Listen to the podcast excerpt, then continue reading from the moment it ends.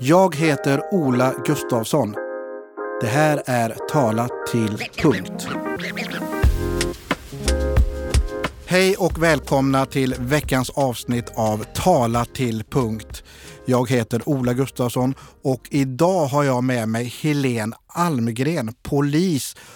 Och kanske många av er känner igen namnet för det var hon som hittade Lisa Holm 12 juni 2000. 2015. Välkommen till Tala till punkt Helene.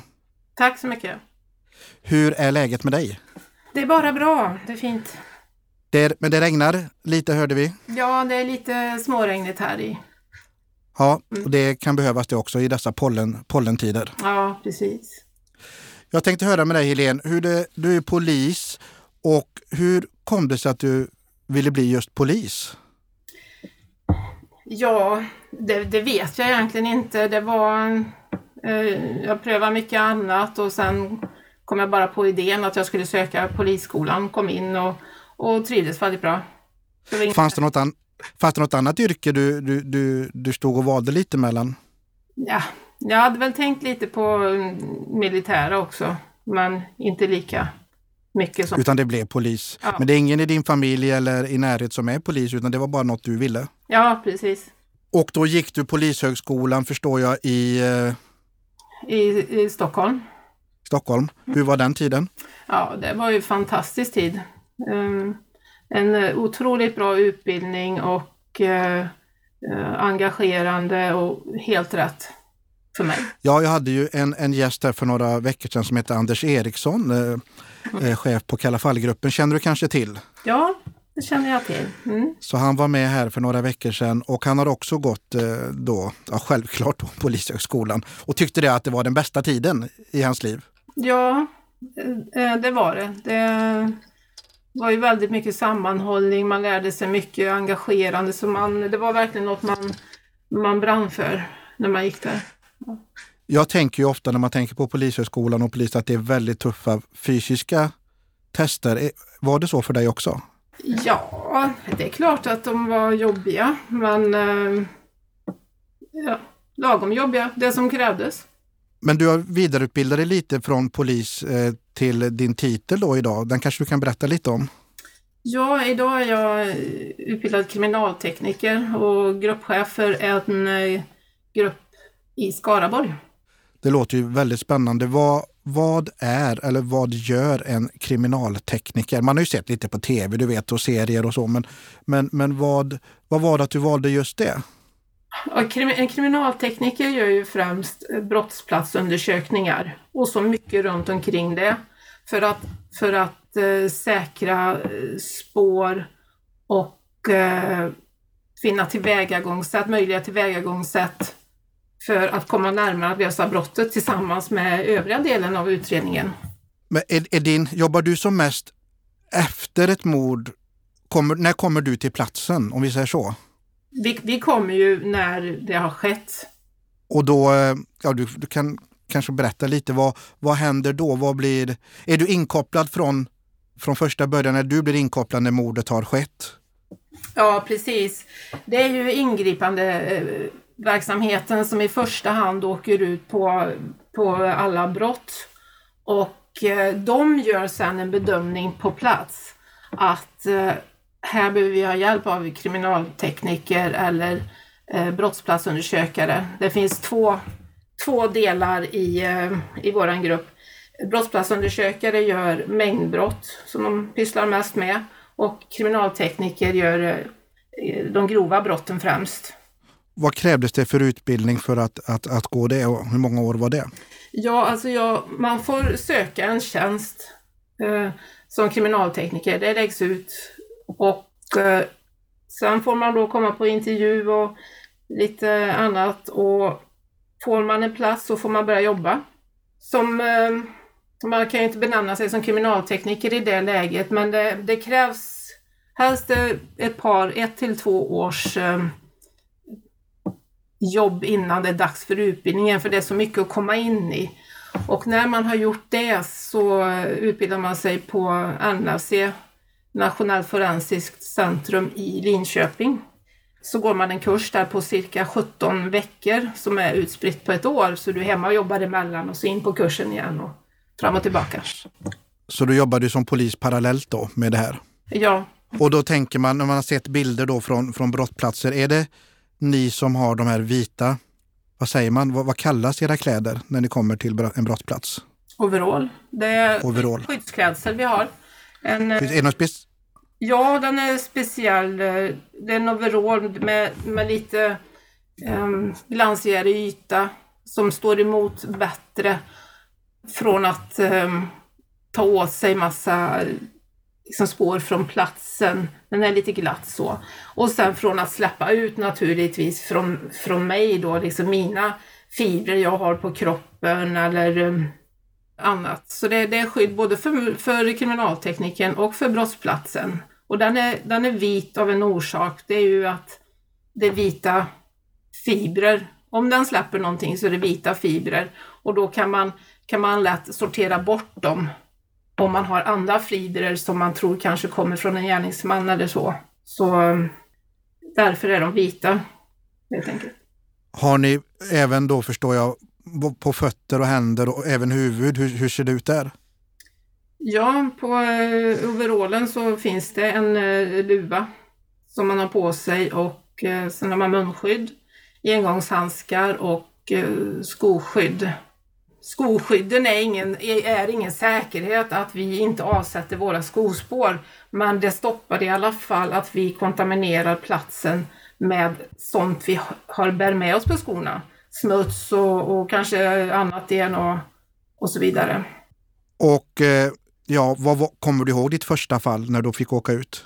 Det var, det var en bra fråga. Det kanske Men det har varit så många? Ja, det, det har varit många. Jag började ju 2005 som kriminaltekniker, eller ska jag säga på tekniska roten som det hette då. Jag var ju inte färdig kriminaltekniker, men det var då jag började. Och det jag minns från den tiden, det var att vi var på mycket bränder.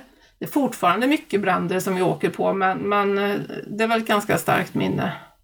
När du får då ett eh, samtal eller hur, det, hur, hur går det till när ni ska åka ut till en plats? Eh, kommer någon in på kontoret eller ringer någon eller hur, hur funkar det? Ja, är det, är det bråttom, eh, att man vill att vi ska få informationen direkt så ringer de. Alternativt att man skriver en, en begäran till oss som, som vi får upp på eh, vårt system Techpro som det heter. Ja, jag, jag går direkt in på vi, vi vi, du har, blev ju väldigt uppmärksammad då 2015. 7 juni försvann Lisa Holm på Kinnekulle. Mm. Eh, hon jobbade på ett café i Blomberg och eh, det blev ju ett fall som blev, eh, hela Sverige engagerade sig i det. Det var ett enormt pådrag, även med Missing People men, men även medialt så, så var det ju ett otroligt stort fall som höll Sverige, kan jag tycka, i ett grepp. Och vad minns du från, från Lisas försvinnande? Ja, det jag minns eh, starkast är just eh, frustrationen och engagemanget från alla håll och kanter. Från eh, anhöriga, från icke anhöriga, allmänhet, från Missing People och polisen. Alla verkligen jobba hårt och, och kämpa för att, att hitta Lisa eftersom du är polis, då fick du reda då på saker som vi vanliga medborgare inte visste till när de hittade saker och de hittade ju mobilskal och det var ID-kort och sånt. Eh, det visste du i ett ganska tidigt skede. Ja, eftersom som det är väldigt viktigt att inte spår förstörs så blev vi ju inkopplade så fort man hittade någonting. Så vi hade ju Eh, de kunde nå oss dygnet runt. Vi jobbar, vi jobbar hela dagarna men, men man kunde nå oss dygnet runt om det blev akut att åka ut och, och säkra någonting eller så för att det skulle gå till på helt rätt sätt. Hur, hur gick det till när, när du kom till platsen? Eh, nej, ja, när vi kom till platsen första gången, det var alltså eh, dagen efter Lisa försvunnit. Och vi kommer sällan i ett sådant tidigt skede. Men eh, vi kände vid det här tillfället, vi fick informationen och bestämde vi åker dit ut för ju snabbare vi kan vara på en plats och börja dokumentera platser så, så har vi mycket information med oss hur det ser ut precis nu längre fram i utredningen. Förstod ni då vart det, vilket håll det lutade åt? Var, gick tongångarna så att... Eller trodde man fortfarande att hon var vid liv? Alltså, absolut så trodde vi att hon var vid liv. Allting handlar ju om att jobba hårt och mycket för att eh, komma fram så fort som möjligt till vart hon möjligtvis skulle kunna finnas. Och, och självklart är hoppet är det sista som överger någon. Um, hennes moped stod kvar vid, vid kaféet hon, hon uh, jobbar på och hennes um, nycklar satt i mopeden så vi, vi tänkte att hon borde finnas i närheten och att hon kunde såklart um, vara fasthållen någonstans eller inlåst någonstans. Så det, det var fullt letande. Ja, det var ju det som, som, som man reagerade på då framförallt då eh, anhöriga så att eh, Lisa skulle inte ha lämnat mopeden med nycklarna i. Nej. Det var inte ett, ett, ett, eh, så som hon gjorde liksom. Så då förstod man att någonting hade hänt, något allvarligt. Om jag fattat det rätt. Vad var det första spåret, eller det första spåret du säkrade? Ja, som eh, det, det, första som, som andra säkrade, det var att man hittade något örhänge, om jag inte har fel, inne i ladan. Men det som var ganska så speciellt, det var att uh, man hittade en handske i ladan. En, uh, ja, men som en motorcykelhandske ungefär. Och uh, det kunde man efter ett kort tag säga att Lisa hade sådana handskar. Då, då kändes, det var det? Ja, men då kändes det ju som nu, nu har i alla fall hon varit på andra sidan vägen i förhållande till mopeden och sin arbetsplats av någon orsak. Sannolikt. Precis. Det handsken och så örhänget då inne i det här äh, mjölkrummet. Sen var det ju... Ja, inte i mjölk, ja, inte i mjölkrummet, äh, men inne i ladan i alla fall. Inne i ladan, ja precis. Sen var det att man hittade då också en, eh, man hittade avföring inne i ladan. Ja, det stämmer och den eh, avföringen var föreföll ganska färsk och eh, Eh, den eh, topsades och där fick man fram ett DNA. Kunde man dra slutsatser redan då åt vart det lutade, vem som skulle kunna ha med det att göra? För det är väl inte så normalt att det, att det finns avföring så, på det, sätt, på det sättet. Men vad man förstår då, vad man, man har läst sig till, så är det ju att många som utför någonting då kan få en sån adrenalinkick då att de behöver bajsa. Mm. Det, nej, man drar inga slutsatser där och då. Allting är liksom en, en riktning att jobba vidare på. Det är lite farligt att dra slutsatser. Utan eh, man måste vara bred i sitt, eh, i sitt jobb och tänkande hela tiden och inte spetsa in sig. Så, och sen hör det ju också till att eh, han som blev fälld för detta, Nerius, han, han var legalt i, i eh, den här ladan. Han jobbade på den här gården och, och vistades mycket i ladan så att eh, det kan man inte dra så stora växlar på. Det är klart att någon om blir nödig kan, kan ändå sätta sig i en laggård och bajsa. Var ni bara i ladan? Nej, det var vi inte för att eh, vi var överallt i omgivningen in, från mopeden och så jobbar vi oss utåt och, och tittar på eh, men både utomhus och inomhus i, i, i lador och containrar och kaféet och allt möjligt för att hitta några former av, av eh, antingen att hitta Lisa någonstans eller hitta eh, några ledtrådar. Hur, hur såg en arbetsdag ut? Jobbar ni även på nätterna eller var det lättast att jobba på dagtid? Eller hur, hur jobbade ni i det här? Ja, vi jobbar mycket. Här var det liksom Normalt kommer vi inte in i ett sånt här tidigt skede utan när vi kommer in så, så vet man oftast att någonting har hänt. Det kan inte hända så mycket mer så att då har vi väldigt mycket tid på oss. Men nu kommer vi in vid ett försvinnande och, och tiden är viktig här eh, för att försöka hitta Lisa vid liv. Så att eh, vi jobbar på så mycket vi orkar. Vi började tidigt och, och höll på eh, till sent. Nu var det ju sommar så det var ljus ganska länge. Och sen i alla fall några av oss sov, sov kvar på jobbet bara för att kunna starta tidigt dagen efter eller åka ut om, om man hittar någonting.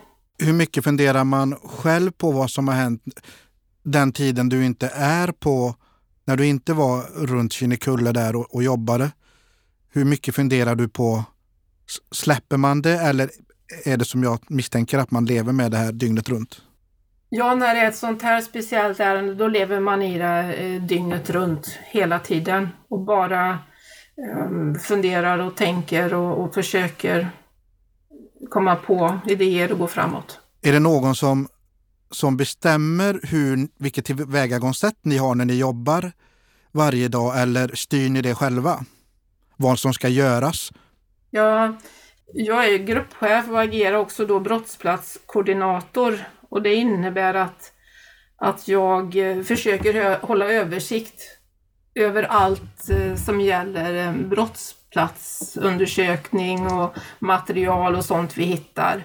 Och eh, med det samlade jag in varje dag och så gick igenom och funderade ihop med mina kollegor och så beslutade vi hur vi fortsätter.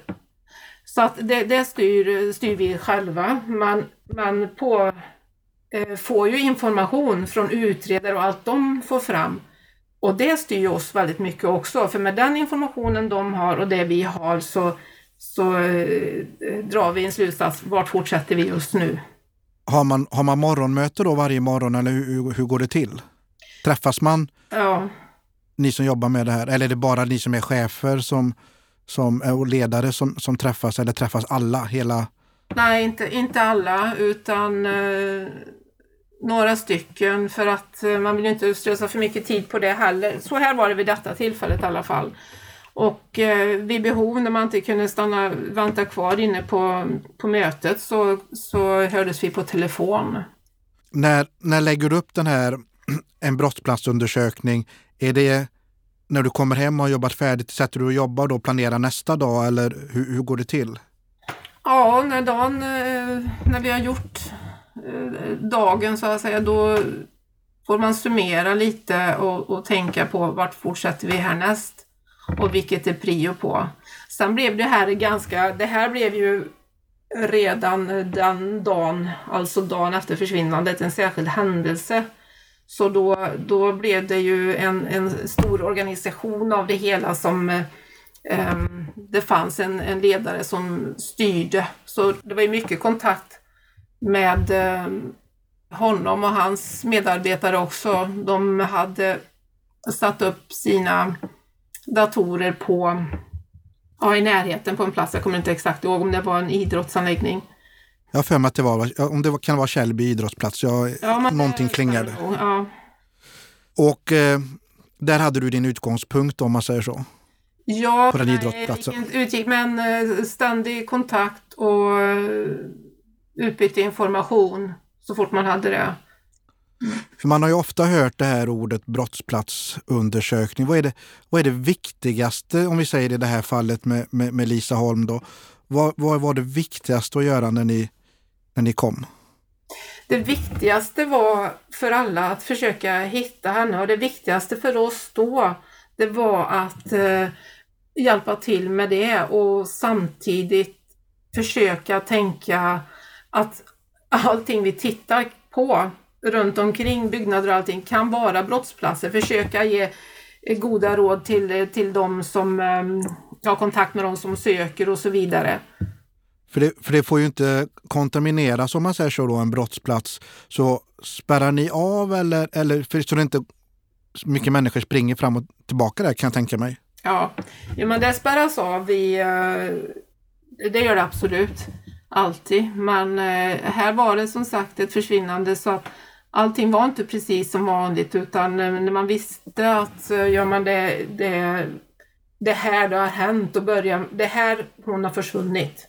Då börjar man att spärra av de delarna och, och ladan och, och runt omkring och sen bara så stort som möjligt och så eh, det är väldigt svårt på sånt här ställe för att, för att det är både ute och inne och många platser och i stora ytor. Så man, avspärrningsmässigt så får man skydda de objekten som man känner att, eh, att det här har vi gått igenom, här finns hon inte men det kan vara en brottsplats vi spärrar av. Vad var din personliga känsla när ni hittade hennes ägodelar? Vad, vad, vad kände du då? Och det läget när hon försvann också? Um, ja, när hon försvann, be, bedrövade var vi, var vi allihopa och det var uh, men, men just det att lägga så mycket energi man kan på att, att hitta henne så fort som möjligt och förhoppningsvis vid liv. Hittade, hittade du några ägodelar eller jag vet ju hjälmen och jackan var i den här rishögen då på gården. Mm. Eh, och så var det väl något ID-kort på vägen och eh, du får rätta mig. Eh, mm. Det var väldigt, mobil. Eh, väldigt konstigt ehm, eh, allting det där med det som hittades längs vägen. Alltså här måste vi då säga Missing People var engagerade tidigt och eh, Lisas eh, pappa med eh, arbetskamrater också, vilket var bra på sitt sätt för att, för att de kunde gå över stora ytor och hitta material och hundförare var ute och letade. och det här, just de här grejerna längs, längs en grusväg som eh, vi kunde komma fram till tillhörde Lisa, bland annat eh, ja men eh, något mobilskal och, och, och lite andra grejer var en hundförare som, som hade hittat. Ledde den vägen där de här grejerna hittades då, ledde den fram till gården där de var? Ja, eh, den, den vägen går också att ta sig till eh, den gården. Ja. Och vad, vad tror du gör att en, en, en, en mördare slänger dem på det sättet? För det skulle kunna vara att vilseleda er och att han hade åkt åt andra hållet. Eh, det var någonting annat. Men det här var ju ändå på vägen ut till gården. Varför slänger, vad tror du gör att man slänger? Är det ren panik då? Att man vill göra sig av med tillhörigheterna? Alltså det är så märkligt så det är ingen aning. Om det nu är, är han som har slängt ut det där, det, kan ju, det vet ju inte jag. De här grejerna kan ju någon ha hittat någonstans och slängt ut längs vägen. Det finns ju många teorier på hur de kan ha hamnat där. Men, eh, men har han gjort det så är det ju mycket märkligt.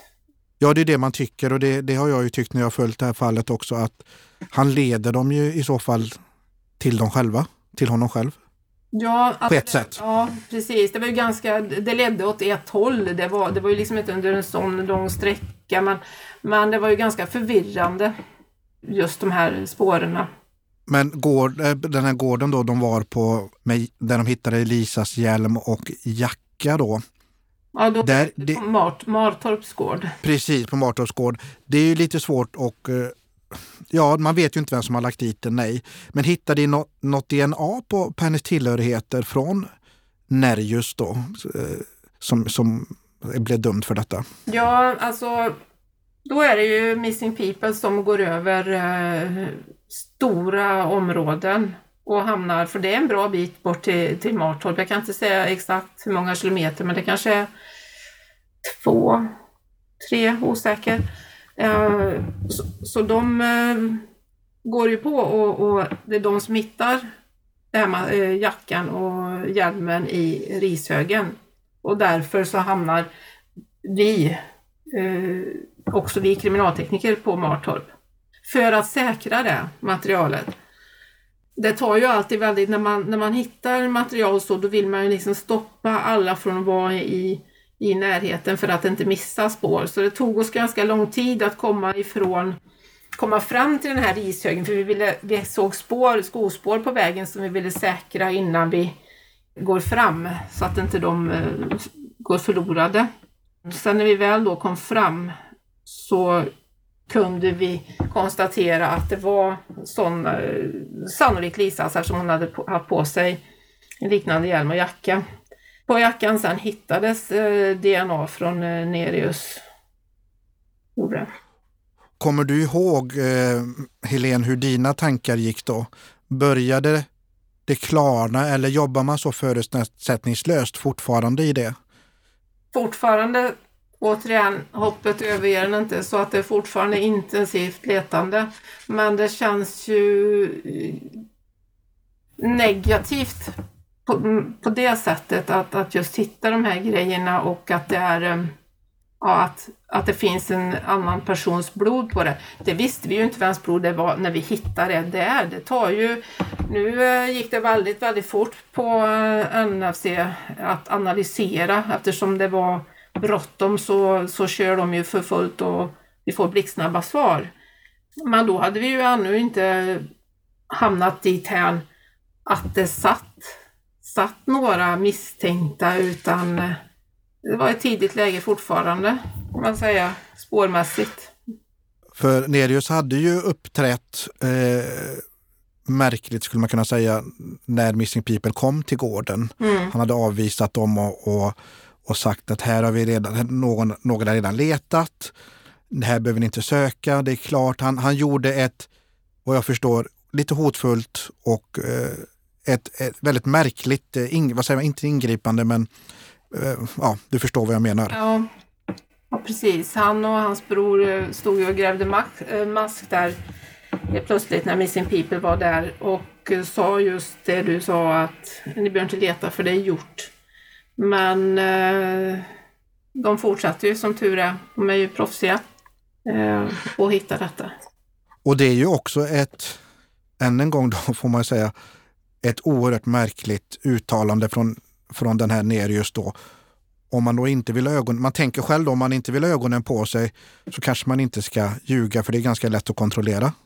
Ja, precis. Det var väl inte så rationellt beteende. Nej, och det, det är ingen som vet hur han tänkte och, och, och kände där. Men eh, det kanske började brännas.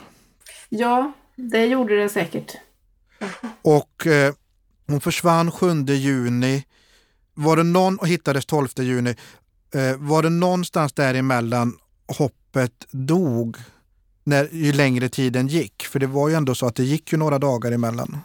Det, nej, dog aldrig. Något, hoppet dog aldrig för att uh, uh, alltså det finns ju människor som har blivit uh, tagna och inlåsta långa tider som man hittar. Så det, det var det dog inte, men, men det kändes inte särskilt positivt att hitta just hennes, hennes grejer utspridda på vägen och, och eh, kläd, jacka och hjälm i den här rishögen. Då kände man ändå att man närmade sig att hitta henne. Hade du kontakt eh, med hennes familj också eller var det andra människor som hade det? Ja, det var andra människor. Och sen kom ju dagen då, 12 juni. Kan man känna på sig en sån dag att det ska hända någonting eller hur, hur gick dina tankar? Äh, nej, inte när man vaknar upp men när man hittar jackan och hjälmen så, så då, då kändes det att uh, vi närmar oss. Hur gick det till? Du kanske ska, ska få berätta Helene utan att jag eh, ställer. Hur gick det till? Eh, för det var sent, var det sen kväll var det va? Ja, det var det. Det tog oss en, en stund att komma fram som sagt för vi säkra spår på vägen. Sen när vi väl hade kommit fram och så tittade oss eh, så hade vi sneglat länge på, eller länge, en stund ska jag säga, på en eh, byscha, en, alltså en arbetsbod som stod alldeles i närheten av den här rishögen.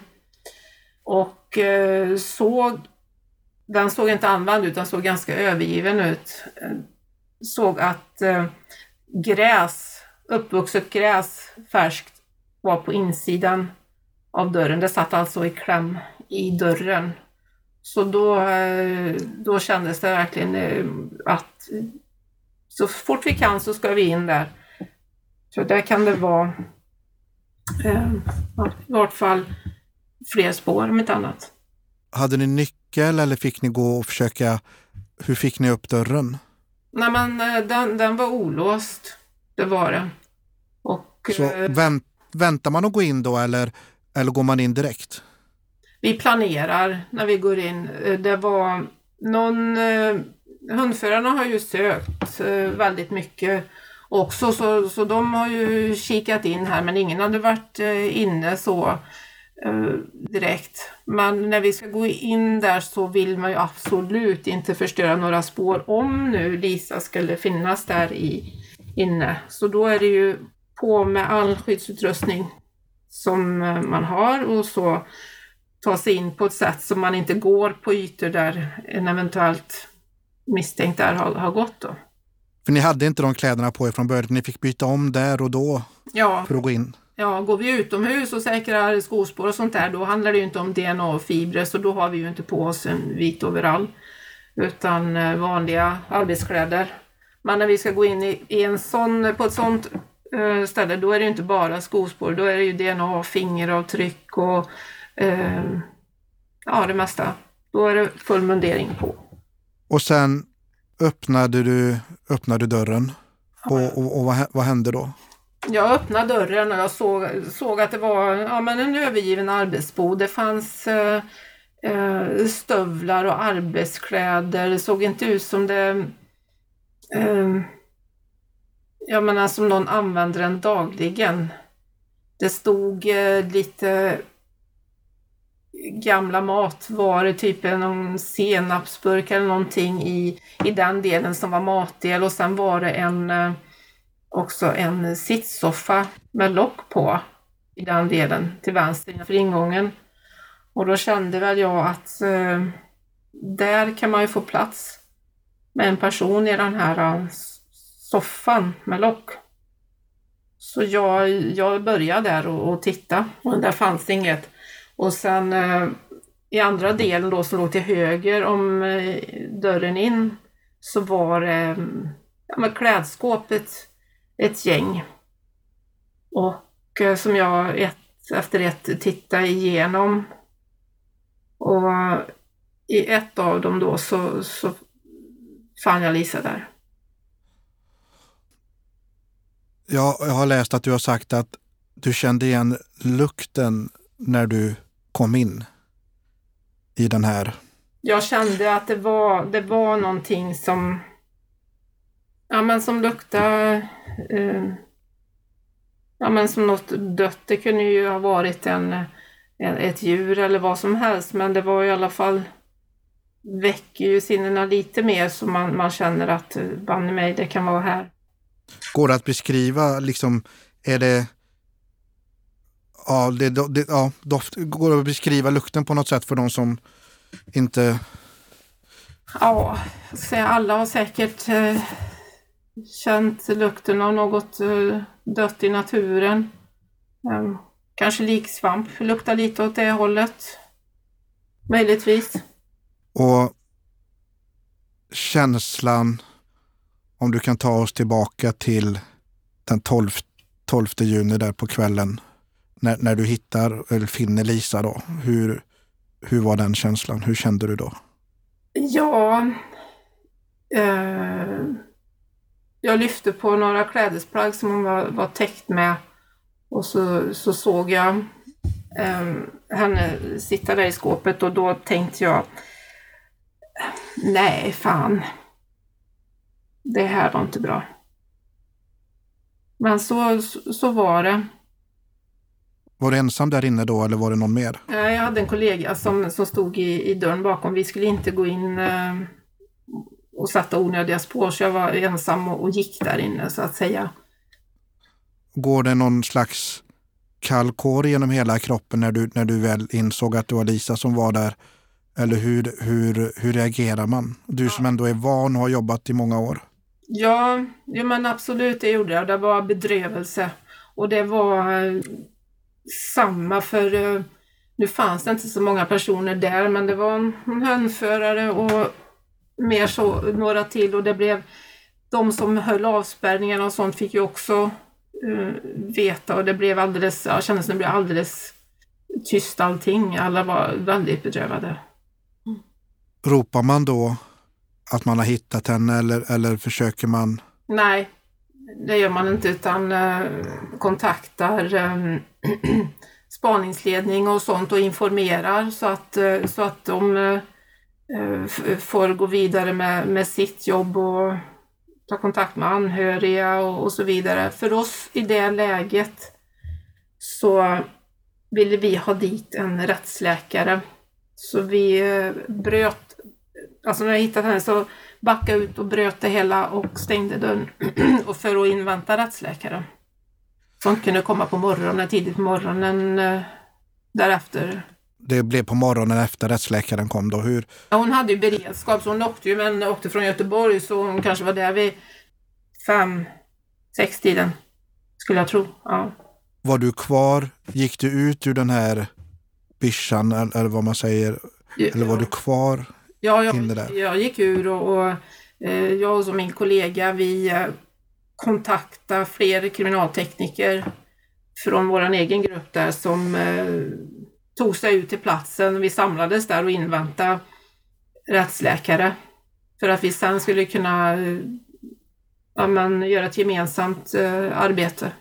Och det är ju ett, ska inte gå in på för mycket detaljer, det, det är ju ett väldigt litet skåp mm. vad jag förstår. Mm. Eh, det jag har sett på bilder. Hur gick, finns det någonting du kan berätta hur ni fick ut henne? Eller är det för... Jag kommer inte... Um, ja, alltså vi fick, vi fick hjälpas åt och, och på ett så försiktigt sätt som möjligt att få ut henne. Men det var ett väldigt litet skåp och, och, och vi fick jobba med det. Men, men det, det gick ändå hyfsat. Och, och det var ju väldigt viktigt både för eh, omtanke om Lisa, självklart är det viktigaste av allting, men för att inte förstöra våra möjligheter att hitta spår på Lisa och hennes kläder. Då tar en, en, en rättsläkare vid där när ni, när ni då har fått ut henne ur skåpet och gör någon form av rättsundersökning där på plats då? Ja, precis. Rättsläkaren eh, gör sina åtgärder och tittar på eh, skador och sånt. Och under tiden så eh, vi hjälper till eh, så att hon kan jobba enkelt och så säkrar vi upp kläder och sånt så att det inte det blir förstört. Så då jobbade ni där inne samtidigt då, ni med ert och hon med sitt då? Mm, ja. Berätt, berättar hon under tiden vad hon ser och lägger märke till för er eller gör hon bara anteckningar och sen kommer det ett senare tillfälle? Eller, eller får ni information hela tiden? Ja, hon berättar säkert och vi ser, ser ju också, men jag kommer inte ihåg exakt vad hon uh, sa där och då faktiskt.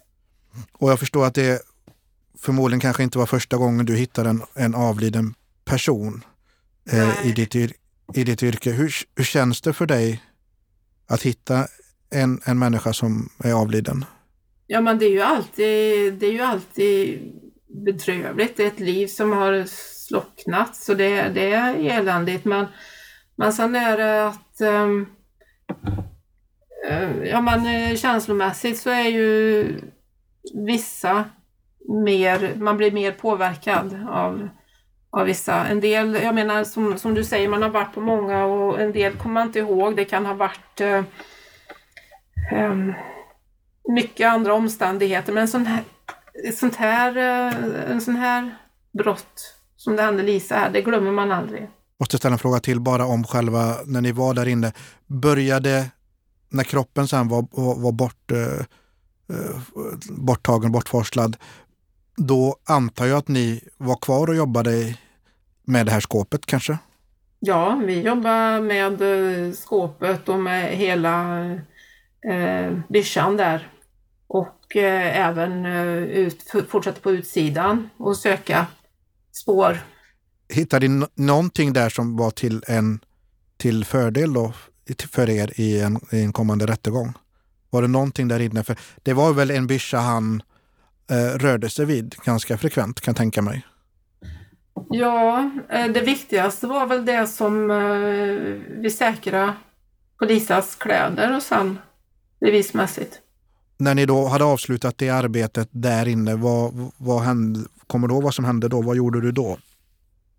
Ja, vi, eh, som, vi, vi fortsatte ju. Det tog ju säkert många timmar att eh, eh, göra färdigt på den platsen just. Och sen får man åka in till polisstationen och ta hand om allting och, och så fort som möjligt få iväg till NFC. Så där var vi ju, var ju någon som körde upp spåren med, med bil för det skulle gå, liksom posten tar lite för lång tid.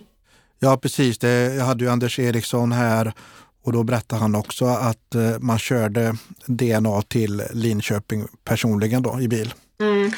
För att eh, det ska gå så snabbt som möjligt. Hur, var det månader eller veckors arbete när Lisa var hittad innan rättegången? Ja, vi var ute på Blomberg och Martorp eh, vi fick ju fortsätta jobba vid Blomberglådan sen också så att vi gjorde väl undersökningar fram till eh, ja, i slutet på juni. Kombinerat då med att eh, kanske inte alltid hela dagarna där ute utan vi, vi fick ju liksom arbeta igenom alla byggnader för, för att hitta en, en möjlig brottsplats också. Och sen in med det vi har för dagen och likadant där, värdera spåren vad eh, är viktigast att få analyserat och, och inte. Så, så såg dagarna ut. Och vi hade mycket, jag ska säga, vi hade, det var inte bara vi i Skaraborg, vi fick eh, mycket hjälp från eh, andra kriminaltekniker, bland annat från Stockholm och, och Värmland och Merstad också. Och du, som vi pratade några minuter innan vi drog igång här, du, du har träffat och, och, och pratat med Nerius? som ja. dömdes för det här mordet. Nej, jag har Var... inte pratat med honom. Jag har Du har inte pratat med honom, men du har träffat honom? Mm. Hur förhåller man sig till det som, som eh, ja, eh, du är polis i yrket, men som, som människa, hur, hur förhåller man sig till att möta den här mannen? Ja, eftersom inte man själv är en galning så, så slår man ju inte ner honom utan man förhåller sig på ett eh, korrekt sätt. Men Eh, tankarna är ju inte positiva om den mannen. Även om du är polis så är du ju också bara människa. Mm. Och var det på rättegången du träffade honom eller i vilket skede var det? Det var vid eh, hovrättsförhandlingen. För i eh, tingsrättsförhandlingen så var jag vittne så då eh, fick jag inte sitta med och lyssna. Men i hovrätten fick jag göra det och då satt man ju på lite avstånd eh, så, men eh, sen var det en, eh, en eh, visning ute på plats. Att rätten åkte ut till Blomberg och de olika ställena då som var viktiga för att, titta och då fick ju även Nerius möjligheten att åka med och det gjorde han. Så då, då kom man ju, var ju han med hela tiden och gick runt där och det, det var ju också en konstig känsla. Vad var din roll i det hela då när han, när han vallades då på, på mordplatsen? Nej, min roll var väl att, att, att lyssna på vad som, som sades, både av intresse och, och för att höra så att eh, eh hur man la fram saker och ting. Och åklagaren kan ju ha en fråga under tiden och, och då finns vi ju där att besvara. När stänger man ett, ett fall? När är det, när är det färdigt? Ja, det, är det, är det till, tingsrättsförhandlingen börjar? Nej, eh, inte. Det fortsätter fram till, eh, arbetet fortsätter ju fram till eh, hovrätten och fram till en dom faller. Framkom det, kunde ni få fram någonting nytt emellan där tingsrätten och hovrätten? Nej, det minns jag inte. Det är möjligt om det är några, några ytterligare spår som pekar ännu mer, men jag, jag kan inte komma ihåg det. Hur har du bearbetat eh, den här händelsen? I och med att det var så medialt så förstår jag att det var kanske en extra på, påfrestning. Hur, och... ja, ja, eh, det var det väl, men det får man ju ändå säga att så, såklart blir ju det här medialt väldigt uppmärksammat men ändå så respektera eh, reportrar och sånt väldigt mycket ute på platsen om man bad om att backa eller eh, det var inga påtryckningar på det sättet så att eh, det gick bra. Behövde du på något sätt bearbeta det som, som hade hänt? Trots din rutin och erfarenhet i många år? Ja, ja det, det behöver man. Det, vi fick ju hjälp. Vi har en eh, polispräst knuten till, eh, eh, till polisen Och vi gick och pratade med honom flera gånger, både hela, vid något tillfälle hela gruppen som hade, hela utredningsgruppen, det är ju, det är ju många delar i den och även vi kriminaltekniker gick dit eh, senare. Han dömdes och eh, fick livstid. Eh, och hur känns det? Och jag, kan tänka, jag vet ju att du säkert har haft flera fall efter det här. Hur känns det när någonting nytt sker du ska eh, ta tag i och, och åka ut på efter ett sånt här stor, stort fall som det här var ändå? Ja, det var väl ganska tungt alltså i eh, ett bra tag efteråt att, att åka på eh, nya fall men eh, man gör det och, och, och ja, man det är lättare efterhand och, och så vidare. Det, man bär alltid det med sig men, men det är klart att tiden gör ju att, att det blir lättare och nu så fungerar det bra. Har man, åker man ut? Har du varit där ute sedan det här hände eller, eller tänker man att man, det är förknippat med så mycket så att uh, man vill inte åka dit igen? Du liksom, det är ju en, en brottsplats för dig. Ja. Har du varit där ute sedan det här hände? Ja, jag har varit, det var ju som sagt Blombergs café som eh, Lisa jobbar på så jag har varit där på kaféet eh, någon gång efteråt. Eh, ganska snart inpå för att se alla blommor som människor la där för, för Lisa och, och även senare. Åkt dit och, och druckit kaffe. Körsbärsträdet som är planterat som ska ja. blomma vid den tidpunkten eh, Lisa försvann då varje år, som vad jag förstår står utanför kaféet. Ja, precis, precis. Minns du om du slängde ett getöga över andra sidan vägen när du satt där och fika och, och, och tänkte, kommer det över dig någonting eller kunde du njuta av, av, av, stunden där och då? Eh, det är klart man gör. Det är klart man slänger getögon. Det är ju eh, kanske på ett sätt att eh, menar, man tänker ofta igenom eh, vad, vad, man har gjort. Har det gått bra eller dåligt? Och, och den biten. Man utvecklas ju hela tiden för varje varje ärende och, och går igenom man, för, på ett positivt sätt för att och liksom förankra att ja, men det, här, det här gjorde vi bra eller det här kan vi göra bättre och så vidare. Så det är ju... Jag känner det positivt att vara där som Lisa hade jobbat och fick i alla fall. När du tänker på fallet Lisa Holm idag, Helene, hur, vad tänker du då? Är det något speciellt som kommer upp eller vad, vad tänker du på? Jag tänker väl att eh, det var det är fruktansvärt elände, det kommer alltid vara det. Men eh, också väldigt eh, Eh, nöjd och stolt över att vi eh, var en del av att, att eh, den som var skyldig har blivit dömd för det han har gjort. det hade ju varit betydligt värre om man inte hade kommit dit hän. Det förstår jag ju, absolut. Och Eh, vi sätter väl punkt för eh, Lisa Holm, det tragiska som händer och, och så onödigt som man känner. Så otroligt onödigt och hemskt på alla sätt och vis. Mm. Mm. Har du jobbat med något annat uppmärksammat fall efter det här? Ja. Eh, som du vill berätta om, kan jag tillägga. Ja. Det, det, ja, det, ja, det har jag inte tänkt igenom. Det har varit eh, många fall så, men det är väl inget särskilt som jag vill eh, ta upp här nu. Vi håller det, du håller det för dig själv, det respekterar jag självklart. Vad går man till sist här, någon vidareutbildning eller är man färdig då som kriminaltekniker eller, eller kan, kan, kan man fortsätta att utbilda sig när det gäller det? Men det, det kan man göra. Man, eh, är ju ganska bred efter en eh, utbildning som kriminaltekniker. Men sen kan man ju skaffa sig spetskompetenser. Bland annat så har vi eh, i Skövde så har vi Eh, en blodbildsanalytiker som eh, vid händelser där det, där det finns blod på ett visst sätt och, och stänk och så vidare så eh, kan hon, Caroline Brodén, åka dit och och undersöka och göra bedömningar utefter stänk och deras riktningar, storlek och eh, förhoppningsvis få ihop ett eh, möjligt händelseförlopp som, som är väldigt, eh, tillför väldigt mycket i, i ett eh, ärende. Vi har också eh, Thomas Karlsson som jobbar med skjutvinkelbedömning eh, vid skjutningar.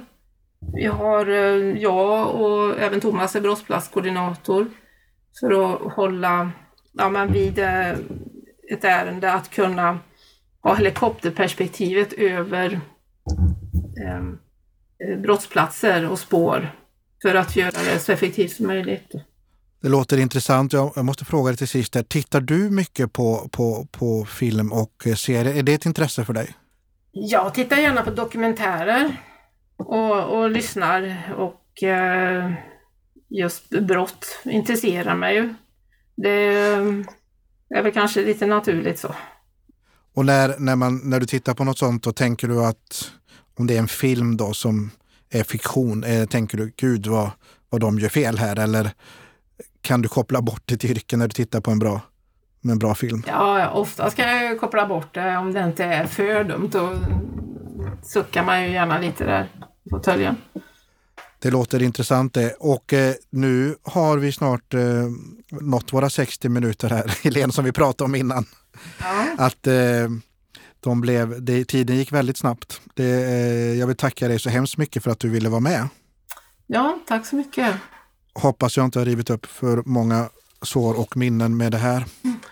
Och eh, jag ska också säga att idag har jag haft hjälp av eh, Amanda som inte är närvarande men som sitter på länk och eh, skriver frågor och lyssnar på dagens intervju och ger lite eh, pitch och feedback till mig här, vilket har varit fantastiskt bra och intressant. Eh, stort tack Amanda!